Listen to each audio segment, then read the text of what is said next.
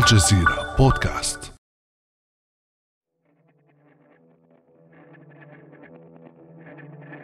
لا ماء لا حليب لا سكر لا ايسانس وإحنا قعدنا رئيس قاعد يجمع في السلطات. تونس تنزف ولات لا جوع وفقر وميزيريا. وكل شيء كل شيء ما عندناش هذه صرخات أطلقها مواطنون خلال مظاهرتين منفصلتين بالعاصمة التونسية في الخامس عشر من أكتوبر الماضي تنديدا بالانقلاب وفق تعبيرهم من جهة وبغلاء المعيشة من جهة ثانية. ولم تكد الجموع تنفض حتى أعلن صندوق النقد الدولي توصله إلى اتفاق مبدئي مع تونس تحصل بمقتضاه على قرض بقيمة 1.9 مليار دولار على مدار أربع سنوات. قرض يراه البعض مجرد مسكن مؤقت لأزمات البلاد المتجدرة بينما يعتبره آخرون طريقا للحصول على تمويلات أخرى من دول صديقة وشقيقة وفق الرئيس التونسي قيس سعيد. قادرون على مواجهة كل التحديات بإمكانياتنا بإعانة أصدقائنا بإعانة أشقائنا ولكن لنعول قبل كل شيء على أنفسنا هل ينقذ صندوق النقد الدولي تونس من أزماتها؟ وما مضمون هذا الاتفاق؟ وما هي التكلفة الاجتماعية لشروط الإصلاح الاقتصادي؟ هذه أنا أمل العريسي وهذه حلقة جديدة من بودكاست الجزيرة بعد أمس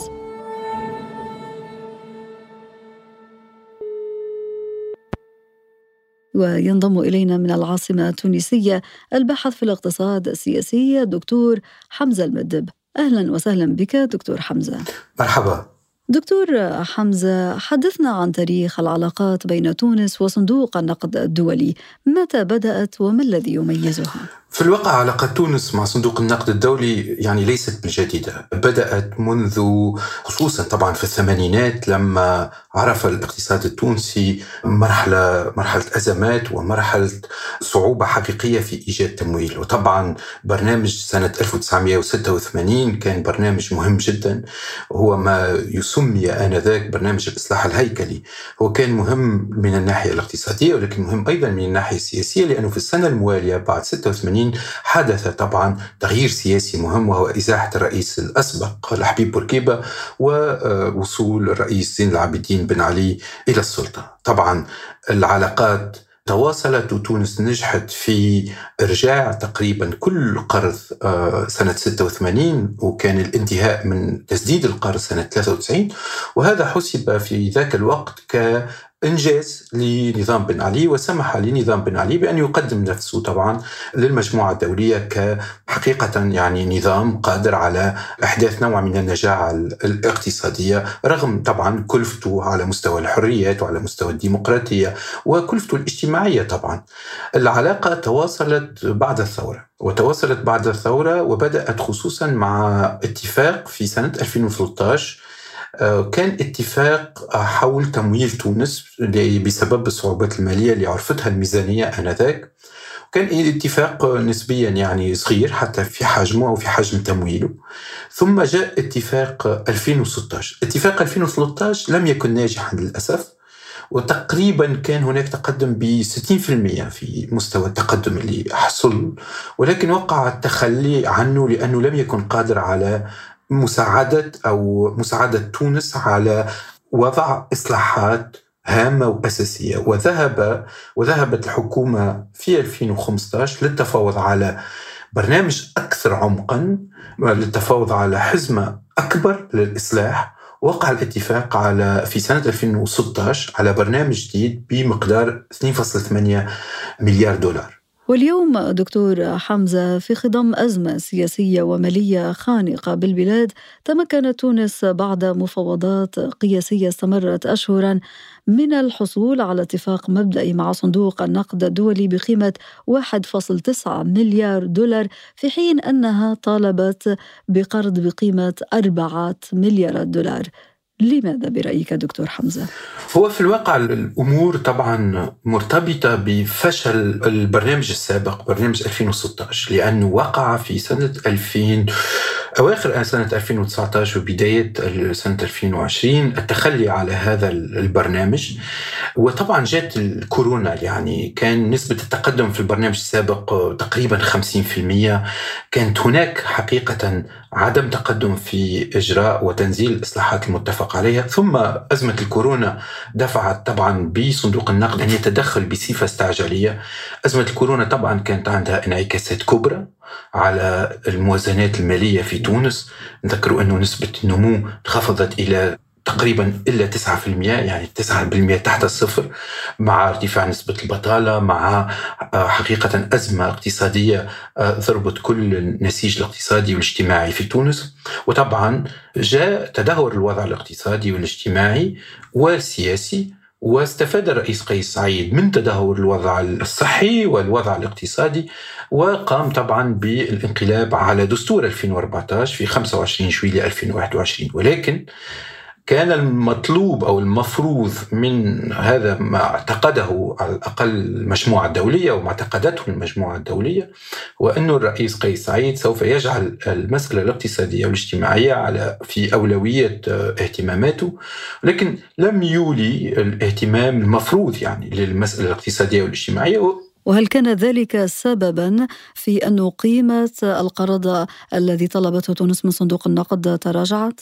هو جزء من الأسباب. يعني كان واضح لدى صندوق النقد الدولي أنه هناك تضارب حقيقي في الخطاب السياسي في تونس. خطاب رئيس الجمهورية مغاير لخطاب الحكومة مثلا. كانت الحكومة ولا على رأسها رئيسة الحكومة تدفع نحو طبعا إتمام الاتفاق مع صندوق النقد في حين أنه خطاب الرئيس كان دائما ما يدعو إلى التعويل على إمكانياتنا الذاتية. بمعنى أنه هو يرفض الإصلاحات. التي يتطلبها الاتفاق مع صندوق النقد الدولي ويبدو وكأنه هو ليس من الداعمين. بالتالي هناك حقيقة أزمة سياسية بمعنى أزمة دعم سياسي وإسناد سياسي للحكومة خصوصا وأنه طبعا حزمة الإصلاحات سوف تكون يعني عندها كلفة اجتماعية كبرى. سنتحدث عن كلفة هذا القرض دكتور حمزة ولكن بلغة اقتصادية صريحة هل ما قدمه صندوق النقد الدولي لتونس اليوم كفيل بحل أزمتها الاقتصادية؟ الاقتصادية الحادة؟ يعني ما قدمه صندوق النقد لا يكفي بتاتا حاجيات تونس المالية. 1.9 مليار دولار هو أقل بكثير مما توقعه آه، صانع القرار التونسي أو المفاوض التونسي الذي كان يطلب أو يتمنى الحصول على قرض ب 4 مليارات دولار. هو قرض نذكره أنه أقل بكثير من القرض اللي حصلت عليه تونس في 2016 ب 2.8 مليار دولار. هو واضح جدا أنه 1.9 مليار دولار لا في حتى بحاجيات تونس المالية هذه السنة. خلينا نذكر فقط أنه حاجيات مالية لهذه السنة هي ما بين 4 و 5 مليارات دولار. إحنا الاتفاق مع الصندوق ب 1.9 مليار دولار هو ليس على سنة ولكن على أربع سنوات وعلى ثماني دفعات. بالتالي واضح أنه ضعف قيمة القرض يعكس في الواقع عدم راحة من قبل صندوق النقد الدولي أو عدم ارتياح من قبل صندوق النقد الدولي لقدرة تونس على إنفاذ الإصلاحات وهل هذا ما يفسر دكتور حمزة أنه صندوق النقد اشترط في خطوة غير مسبوقة توقيع قيس سعيد على هذا الاتفاق الخاص بالقرض؟ هذا تقديري انه هناك حقيقة شكوك حقيقية لدى صندوق النقد حول مدى التزام رئيس الجمهورية بالمضي في الإصلاحات التي يتطلبها الاتفاق مع صندوق النقد. كما قلت يعني كان هناك حقيقة خطاب لرئيس الجمهورية مختلف على الأقل مع خطاب طبعا الحكومة. خطاب الاتحاد العام التونسي للشغل مختلف. خطاب البنك المركزي يدفع نحو الاتفاق مع صندوق النقد الدولي. يعني هناك حقيقة شعور لدى صندوق النقد الدولي أنه لا يوجد توافق داخل تونس بين مختلف الشركاء والأطراف السياسية والاجتماعية. وهذا طبعا يضعف الموقف التونسي. ويدفع بصندوق النقد إلى أن يطلب التزام من أعلى هرم السلطة اليوم في تونس وهو رئيس الجمهورية الالتزام والإمضاء على هذا الاتفاق. وهذه الوضعية التي أشرت إليها دكتور حمزة جعلت هذا الاتفاق المبدئي بين تونس وصندوق النقد الدولي يواجه الكثير من الانتقادات وأصوات المطالبه بالكشف عن بنود هذا الاتفاق مع صندوق النقد وفي مقدمتها الاتحاد العام التونسي لشغل أكبر منظمة نقابيه في البلاد لنستمع إلى تصريح أمينها العام نور الدين الطبوبي. إحنا اليوم طالبين الحكومة أن تمدنا بالبرنامج التفصيلي الذي تقدمت به إلى صندوق النقد الدولي في لقائي مع السيدة وزيرة المالية مؤخرا تقول أن البرنامج المفصل ما زلنا لم نتقدم به لأن البرنامج المفصل يكون ممضى من طرف السيد رئيس الجمهورية والسيد رئيس الحكومة. هل تعتقد دكتور حمزة أن الحكومة قدمت تنازلات لصندوق النقد الدولي ترفض الإفصاح عنها؟ هو في الواقع يعني غريب مسألة عدم أو رفض الحكومة الإفصاح عن البرنامج. لأنه وقع الاتفاق هو اتفاق مبدئي في كل الأحوال والمفروض على الحكومة أنه تطرح هذا الاتفاق تنير الرأي العام وتخاطب الرأي العام وتقدم حقيقة الالتزامات لأنه في النهاية سوف يقع المضي في هذه الالتزامات. إن صح الالتزام الجانب التونسي والجانب وخصوصا السلطة السياسية بالاتفاق مع صندوق النقد الدولي. بالتالي أنه عندما يقول أمين العام لأكبر منظمة في تونس المنظمة الشغيلة الاتحاد العام التونسي للشغل أنه لا يعرف فحوى الاتفاق فهذا يعكس حقيقة ضبابية ويعكس حقيقة عدم وضوح داخل حتى الساحة السياسية وغياب تام للحكومة من هذه الناحية من ناحية حتى مخاطبة ليس الرأي العام ولكن مخاطبة الشركاء الاجتماعيين. هذا بالطبع يجعل الأمر يعمق مخاوف الصندوق إزاء طبعا ضبابية المشهد في تونس يعمق مخاوف الصندوق إزاء احتمال فشل الإصلاحات وعدم إنفاذها ويعمق مخاوف الصندوق إزاء فشل طبعا هالبرنامج الذي وقع الاتفاق عليه. وبهذا الخصوص دكتور حمزة عدد من الخبراء يقولون أن المفاوضات بشأن هذا الاتفاق المبدئي بين تونس وصندوق النقد الدولي لم تكن شفافة خاصة بشأن شروط القرض وكلفته على عكس القروض السابقة التي حصلت فيها تونس خلال السنوات العشر الماضية على ثلاثة قروض من الصندوق بقيمة تتراوح ما بين 1.2 و 1.7 مليار دولار. هناك حقيقة ضبابية من هذه الناحية. يعني هناك ضبابية هناك عدم وضوح في الخطاب السياسي هناك عدم وضوح في الالتزام تجاه الرأي العام وتجاه الشركاء الاجتماعيين. هذا يضعف موقف الحكومة يضعف موقف السلطة السياسية في البلد.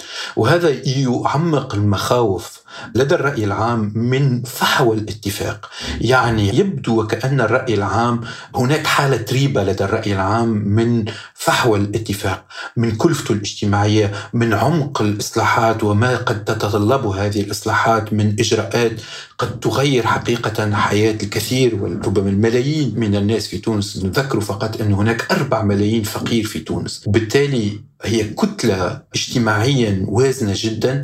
ثم هناك طبقة وسطى تعيش حقيقة حالة ريبة وحالة من الخوف الحقيقي على مستقبلها. في ظل شح الموارد في ظل انعدام تزويد الأسواق أو بالكثير من المواد الغذائية أو المحروقات في الكثير من الأحيان هذا طبعا يؤدي حقيقة إلى ضرب ثقة لدى الرأي العام بخصوص طبعا تحسن الأوضاع وخاصة ضرب ثقة الرأي العام بالمستقبل في تونس.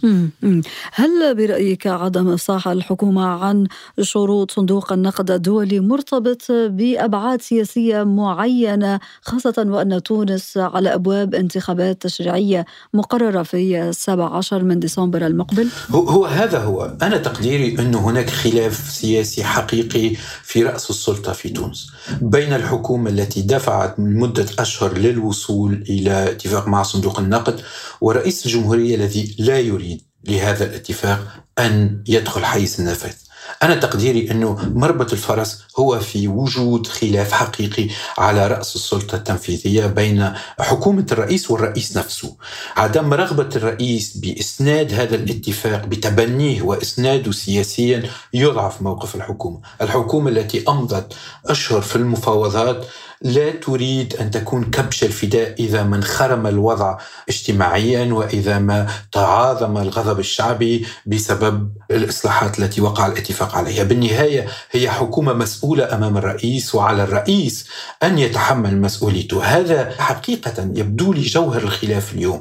لو كان هناك اتفاق حقيقي بين رئيس الجمهورية وبين رئيس الحكومة والحكومة التي عملت على الوصول إلى هذا الاتفاق فإنه ربما الخطاب كان سيكون مغاير كان سيكون هناك نوع من التماسك نوع من الصراحة تجاه الرأي العام لكن هذا مفقود طيب ماذا لو تم الالتزام بشروط صندوق النقد الدولي برأيك ما هي التكلفة الاجتماعية والسياسية؟ أنا تقديري أنه التكلفة الاجتماعية أكيد ستكون مهمة وستكون آه، كبيرة خصوصا على الطبقات الشعبية والطبقة الوسطى.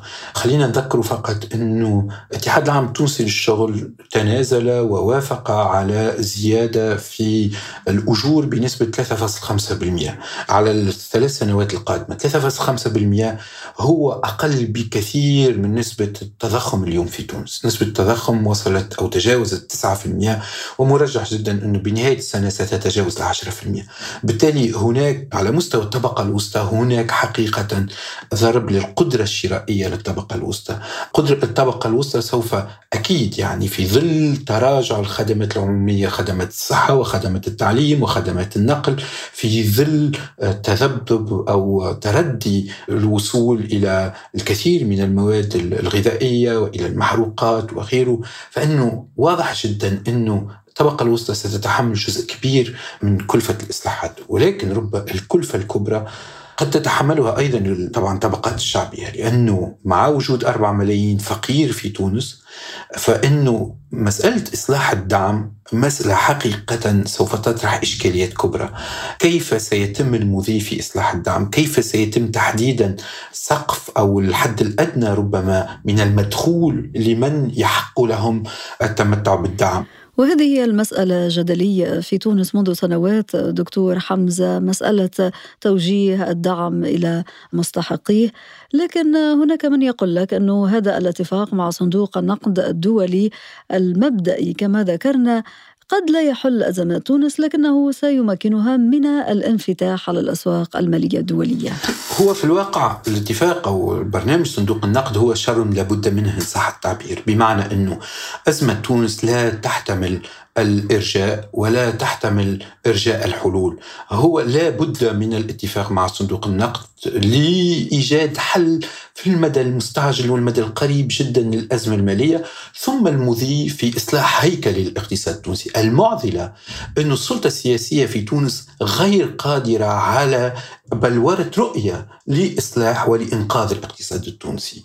بالتالي أي اتفاق مع صندوق النقد سوف يكون مسكن فقط لأنه حتى الدعم الدولي حتى الدعم ربما الذي قد تحظى به تونس سواء من قبل شركائها الدوليين أو شركائها أو المنظمات الدولية مثل ربما البنوك التنمية أو غيره هو رهين بل ورد خطة تنموية حقيقية لإصلاح الاقتصاد التونسي. وهذا غائب. يعني الغائب الأكبر اليوم في تونس هي رؤية حقيقية لإصلاح هيكلي وجذري للاقتصاد التونسي. يسمح بخلق مواطن الشغل يسمح بإيجاد مستويات نمو تسمح برفع وتحسين معيشة المواطن التونسي ويسمح طبعا بالاستثمار وبتحسين مناخ العمل وبفتح آفاق أمام الشباب وأمام الكثير ممن ينتظر تحسن الأوضاع في تونس. هذا مفقود للأسف. وهل يمكن أن نمثل هكذا استراتيجيات؟